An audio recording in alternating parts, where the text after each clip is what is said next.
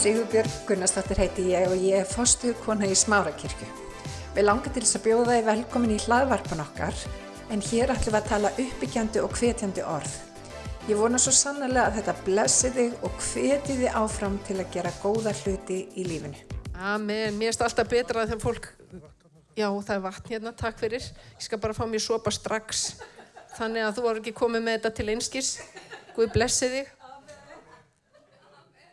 hann saði nefnilega einu sinni við mig þá drakk ég vatn sko bara svona í lókinu og þess að ég, hérna, gott að og drekku vatni af því að ég helli því alltaf bara þegar þú ert búinn, þú drekkur aldrei. Þannig að svona er nú fylst með manni. En já, ég ætla að segja er alltaf betra að fólk klappar í lókin það er bara gott eru búin að klappa fyrir mér. Þannig að við sjáum hvað setur. Jésús, ég þakka þér fyrir, fyrir þína indistlegu nærveru Takk heila og randi fyrir að þú ert hér. Takk. Amen. Amen. Ég þekki mann sem æfði einu svona frjálsar íþróttir og uh, hann var mjög góður í sprett hlaupi. Svo, og hann virkilega mætti á æfingar, lagði sér fram, gerði allt sem uh, til var ætlast af honum og svo er hann að keppa á móti og hann er fyrstur. Og hann, sagt, hann er bara rétt ókominn í mark þegar hann finnur allt í hennu þennan ofbóslega sársauka í öðrum fætunum og hann finnur bara það slittnar eitthvað. Og hann vann ekki keppnina og hann hljóp aldrei meir. Stundum gerast hlutir í líf okkar sem breyta stefnun okkar algjörlega Stundum gerast einhverju hlutir sem við stjórnum ekki. Jafnvel þó svo við höfum lagt okkur öll fram. Ég ætla líka að rifja upp fyrir ykkur, eða með ykkur, sögu af frjálsýþróta þjálfaranum sem var einu svona spurður af því hvaða krakkar í úlingahópnum væru líklegir til þess að verða afreiksmenn. Og hann nefnir nokkara krakka, tvo, þrjá, fjóra krakka sem höfðu, voru líklegir til þess að ná langt. Þetta var á foreldrafundi Svo spyr eitt foreldrið, hvað með þessa stelpu? Og þá hristir þjálfarinn höfuðið og segir, hún hefur ekki hugarfarið. Hanna vantaði ekki hæfileikana, hanna vantaði ekki getuna, hanna vantaði hugarfarið. Og við viljum kannski öll komast á vellaunapall á þess að þurfa að hafa fyrir því eins og bróðurinn að mömmu saði einu svona ég var alveg til ég að geta spila á orgel ef ég þurfti ekki að læra á það.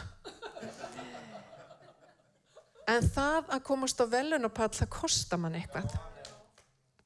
Og þegar Sippa bað mér um að tala hér í dag þá vissi ég um hvað ég ætti að tala. Ég fór í kirkju í síðustu viku og á samkominni gefur Guð mér bóðskap og þegar við fjallar setjumst út í bíl þá segi ég við hann nú verði ég beðin um að tala einhver starf og ég man ekki bara hvort það var ég held hreinlega að það hefði bara verið á leiðinni heim eða hvort það var daginn eftir. Þá sendur hún mér skilabóð og segir getur þú talað? Getur þú talað hér í dag? Og ég hugsaði ég veit um hvað ég á að tala. Svona er drottin. Málið er það að stundum segir Jésús ekki alltaf já. Hann segir ofbósla oft já og við meðum koma til hans með allt sem á okkur kvílir og, og ég veit ekki hversu mörg bænasvör ég á í hæðum og lægðum, í sorgum og gleði, við getum komið til hans með allt og í lang flestum tilfellum þá gera hann það sem við erum að byggja hann um. En einu sinni kom til hans kona sem hétt ekki neitt. Ég veit ekki hvort þið þekkið konur sem heit ekki neitt. Jésús þekkti nokkra svona konur. Þessi kona hún var bara móðir Sebedeus svona. Hún sem sagt, hún átti mann sem hétt Sebedeus hún átti síni sem, sem héttu Jakob og Jóhannes en hún hétt ekki neitt. Einu sinni voru við fjallar að ganga inn í kirkju og þá kemur kona á mót okkur rosa glöð og, og svona hún kannast við okkur vissi ekki alveg en segir hérna eru þið ekki dögg? Og hún greinlega mundi ekki hvað fjallar hétt og fjallar svo snöggur að hugsa. Áður en konan fekk umhugsunafrest þá segir hann, jú, við erum dögg. Og svo segir hann við mig þegar ég var lítill þá er ég sonur fóreldra minna og ég hef nú oft verið sko fjallar maðurinn en að daggar. En nú er þetta orðið svo langt gengið að ég er dögg. En móðir sepetu svona hún hétt ekki neitt. Hún var bara móðir sepetu svona það er ekki leiðum að líkast fjalla minn. En einu sinni kemur mamma þeirra með strákonu sínum til Jésu og vitið það þetta er svona saga sem ég er búin að lesa ótrúlega oft og svo allt í hennu fyrir að hugsa eitthvað nýtt. Ég var bara býtu augnablík róum okkur. Sko, Jakob og Jóhannes voru bara einir bestu vinir Jésu það voru tólf postular og þeir voru þeim hópi. Ekki nóg með það Jésús átti þrjá lang bestu vini í þessum hópi. Það var Pétur, Jakob og Jóhannes. Og ég hugsa, byrju, ef ég á svona mjög náinn vin sem ég treysti fyrir öllu og hann veit allt um mig að þá bara get ég farið og seg, sagt bara ertu til ég að hjálpa mér með þetta eða ertu til ég að gera mig greiða. Heyrðu, fyrir gefiði, hvað var mamma þeirra að gera þarna með þeim? Það stendur sko nefnilega mamma þeirra kemur með þeim til Jésu og segir Jésús mér langar að byggja það að gera svolítið. Og ég hugsa að býtu var þetta örgulega bara hennar ósk eða voru þau búin að plotta eitthvað? Og, og hérna og eins og Jésús er, hann tekur á móti öllum sem vilja byggja hann um eitthvað. Og hann bara kontu með það. Og þá segir hún viltu láta þessa tvo stráka sitja við hliðin á þér í ríkiðinu, annan til hægri handar og hinn til vinstri. Sko, það var ekki nómið það að þeir myndu fá sæti við háborðið. Þeir vildu bara vera sikkur megin við Jésu. Ég skil alveg að vilja dvelja í nærveru Jésu. Það er sko besti staður í veröldin að vera á. En þeir vildu fá vellunin án þess að hafa hugmynd um hvað það myndi kosta þá. Og þeir voru bara ungir menn.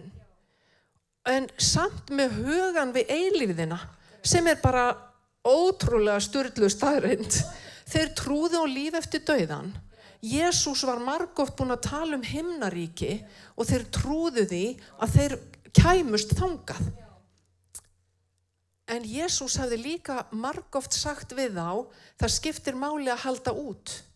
Það skiptir máli að vera trúr. Það skiptir máli að gefast ekki upp. Og þeir, þegar þeir koma þarna með mömmu sinni, þá er bænin ekki hjálpað okkur í gegnum allt sem verður á vegi okkar.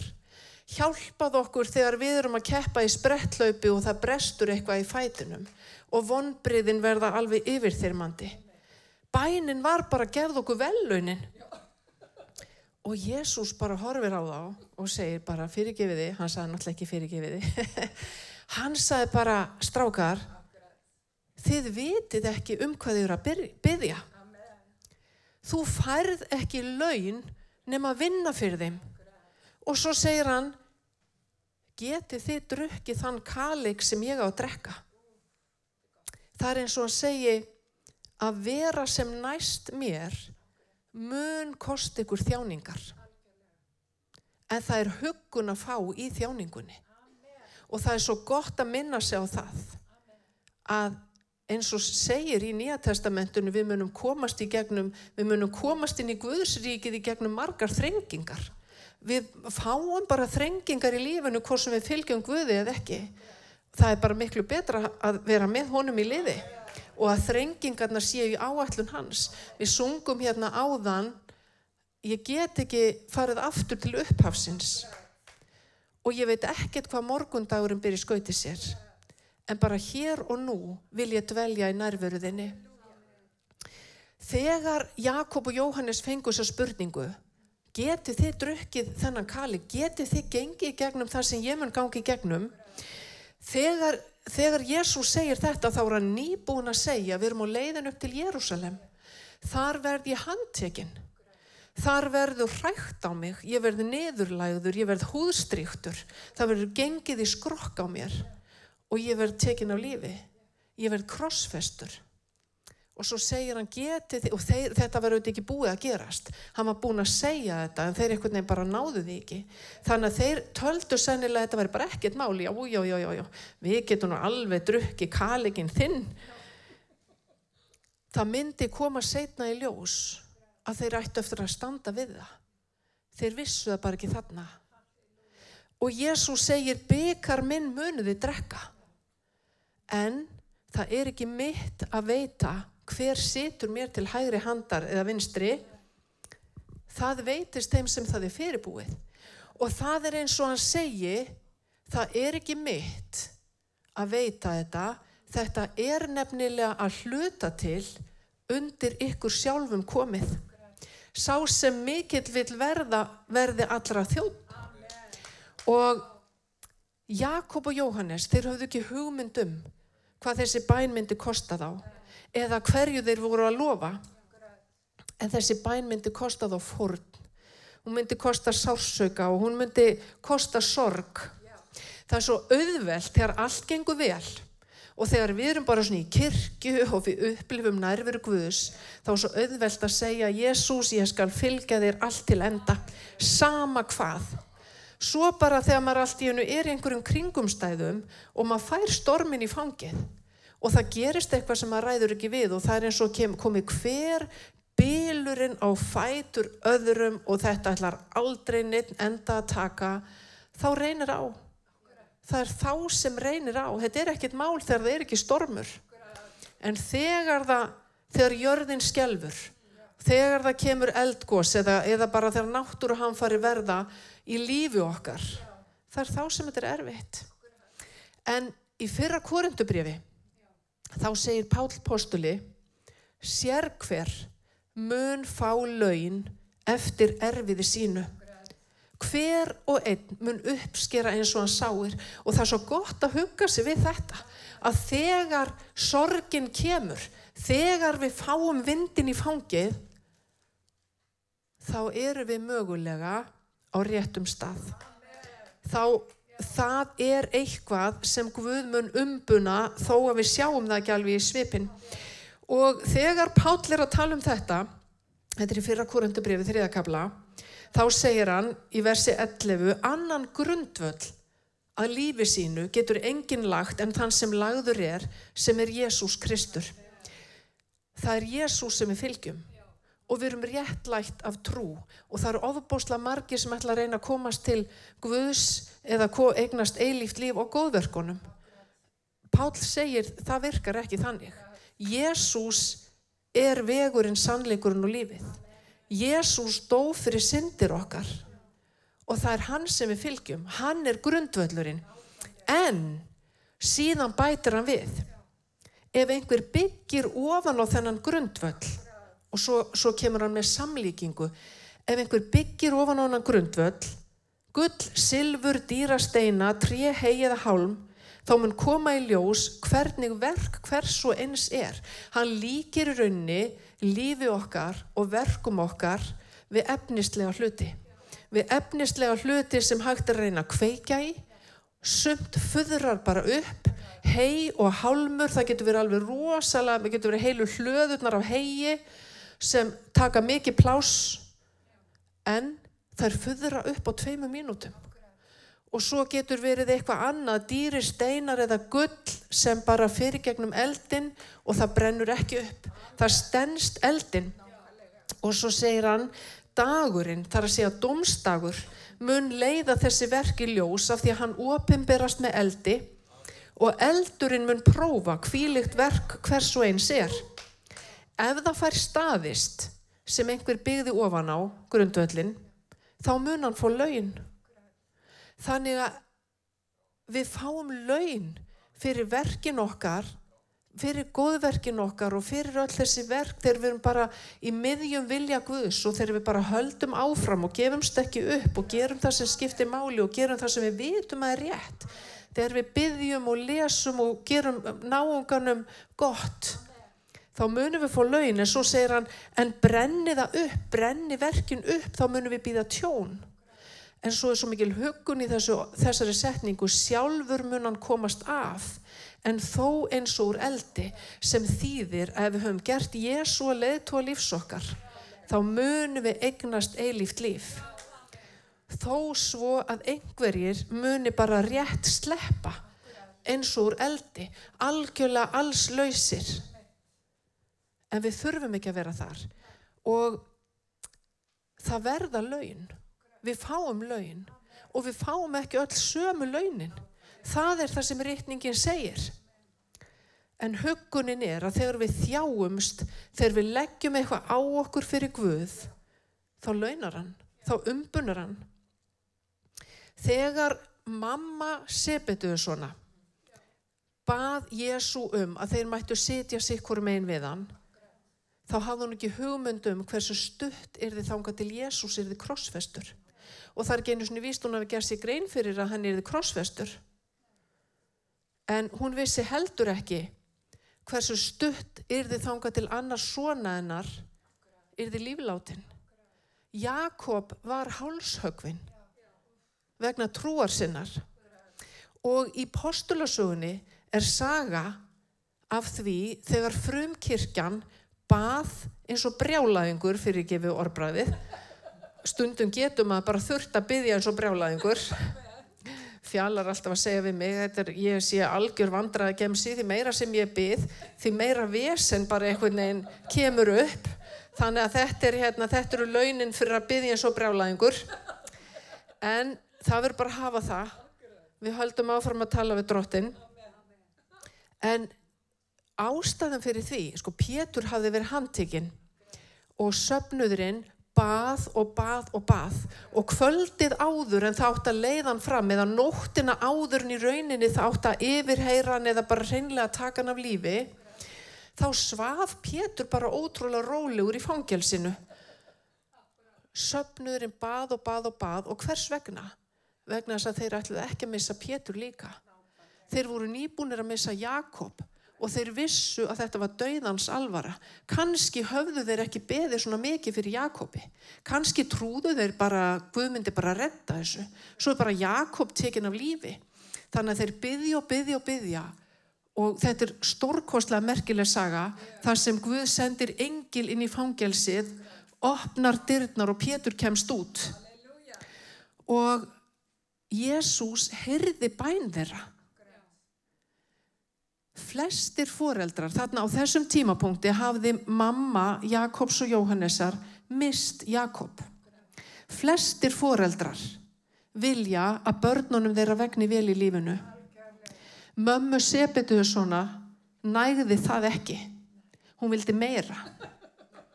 Hún vildi að þeir væru á réttum stað og réttum tíma brennandi í andanum og bæn hennar lýsir alveg takmarkalösri trú. Við getum þakka drotni einaferðin enn fyrir byggjandi mæður og feður. Og það er eins og hún segi, Jésús, hvað sem hendir strákana mína í lífinu, gefðu þá að þeir nái enda takmarkinu. Að þeir haldi út. Að þeir varðveiti trúna allt til enda. Að ekkert drægi úr þeim kjarkin að enginn blindi þá eða afvegaleiði og þó svo að ég verði viðskila við þá um stundarsakir viltu þá gefa við fáum að hittast aftur í ríki þein, þínu þar sem þeir fá heiðursætið ekki hún. Og ég skil þetta svo vel. Ég skil svo vel þessa bæn og þessa ósk. Hún trúði á Jésu og í þessari bæn var fólkin trúar hjáttning Jésús er Guð og fyrir hans dóm eigum við eftir að koma og hann lætur sér andum þá sem eigum sárt að binda og ef það er einhver hér í dag sem líður ekki vel, ef það er einhver hér í dag sem ber sársauka í hjarta sínu hefur áhyggjur þá lætur Jésús sér andum þig. Hann huggar hann styrkir, hann læknar, en hann forðar okkur ekki alltaf frá þjáningunni. Og það er eiginlega eina sem ég aðtóavert. en það er þannig, þrengingin, Hún veitur okkur þolgæði. Það er málið. Og ég hef kannski sagt ykkur frá því áður, ég á pappa sem er að verða 93 ára, sem hefur farið sko í gegnum ímistlegt og mér finnst ótrúlega gott þegar ég er að glýma að geta farið til hans af því að það er svo ótrúlega margt sem hann hefur farið í gegnum og einhvern veginn það er eitthvað svona ró og festa, þú veist, þetta mun lagast, þetta verður ekki alltaf svona, þú munt komast í gegnum þetta og svo kemur eitthvað svona viskumóli um hvað gæti mögulega verið gaglegt að gera. Það er svo gott að umgangast fólk sem er reynd, fólk sem hefur ákveðna visku. En af því að Jésús forðar okkur ekki alltaf frá þjáningunni, þá sagði hann, þá spurði hann, geti þið drukkið kaleikin sem ég á að drekka? Í 11. kapla Hebriabrefsins, ég ætla ekki að fara þángað, en þar er upptalning á hetjum trúarinnar. Fólki sem fóri gegnum ótrúlegt harðræði og svo segir þeir horfðu fram til launana. Þau þóldu þjáninguna af því að þau horfðu fram til launana. Mér langar, ég ætla ekki að hafa þetta mikið lengra, mér langar að byggja ykkur um að standa upp. Og ég ætla að enda á að segja ykkur sögu kannski minna einhverja á hana, einhverja hafa kannski heyrt hana fyrir, ég veit það ekki, segja ykkur söguna af manninum sem hafði unnið við að byggja hús allt sitt líf. Hann hafði verið vinnuveitandanum sínum trúr, hann var vandvirkur og hann gerði allt vel. Svo er hann alveg að fara að hætta, hann er að komast á eftirlaun. Þegar vinnuveitandina segir við hann með langar að byggja þau um að reysa eitt húsi viðbútt og hann hugsar, ó ég nenni því ekki, ég er bara búin að fá nóg, ég nenni svo ekki. En hann segir samt já og hann fyrir að byggja. En af því að hann var alveg að fara að hætta þá var hún meil alveg samum með þetta þannig að hann notar bara einhverja afganga og hann er ekkert að vanda sér nýtt rosalega mikið. Finnur bara eitthvað sem hann getur notað og hann er ekki að fara að vestla besta hráefnið og, og svona bara klára þetta. Það var bara síðasta verki hans og hann ákvað bara koma þessu af sér. Og gerir það. Skilar húsinu full kláruðu. Klárlega ekki besta húsi sem hann hafi byggt svo er eh, haldinn svona veistla til að kveðja hann og eigandi, eigandi fyrirtækisins var búin að hugsa mikið hvernig get ég umbunað honum fyrir öll þessi ár hann er búin að vera með svo trúr, hann er búin að svo frábær starfsmæður hvað get ég gert fyrir hann þannig að hann kallar hann fram þegar sér sett svona lið á veistluna heldur smá ræðu og rósar honum kemur svo með likla og segir við hann ég var lengi að hugsa hvað ég geti gert fyrir þig. Og það var ástæðan fyrir því ég baði þig um að byggja eitt hús enn. Mér langaði bara að gefa þér það. Og takk fyrir hvað þú ert búin að vera frábær starfsmæður öll þessi ár. Hér eru liklarnir, gjörðu svo vel. Og maðurinn varð algjörlega miður sín. Ef hann hefði grunað eitt augna blik að hann verið að byggja þetta hús fyrir sig þá hann gert það svo allt öðruvísi þá hann vanda sig svo miklu betur og mættum við minnast þess að hvað sem við gerum að við vinnum eins og drottinætt í hlut en ekki menn og minnast þess að við fáum aftur tilbaka það sem við gerum öðrum Jésús ég þakka þér fyrir að þú ert hér Og ég þakka þér fyrir það, Jésús, að þú verður kallað okkur til að fylgja þér allt til enda. Og hver er sinnar gæfu smiður? Ég þakka þér fyrir, Jésús, að þú hefur fyrirgefið okkur allt sem hefum gert ránt. Þú hefur fyrirgefið okkur allt sem við hefum klúðrað. En viltu hjálpa okkur frá með deginum í dag að standa okkur? Viltu hjálpa okkur að muna að við erum að reysa okkur hús? viltu hjálpa okkur að muna hvað sem við gerum og þá fáum við það endurgoldið og þú lætur engan eigan eitt inni hjá þér og ég byrð líka drottin fyrir ekki bara okkur sjálfum heldur öll okkar fólki að þú haldir því fast við þig hvaða þjáningar sem verða á vegi okkar hvað sem hendur okkur þá megum við halda út og hvaða sorgir sem mæt okkur, þá gefumst við ekki upp.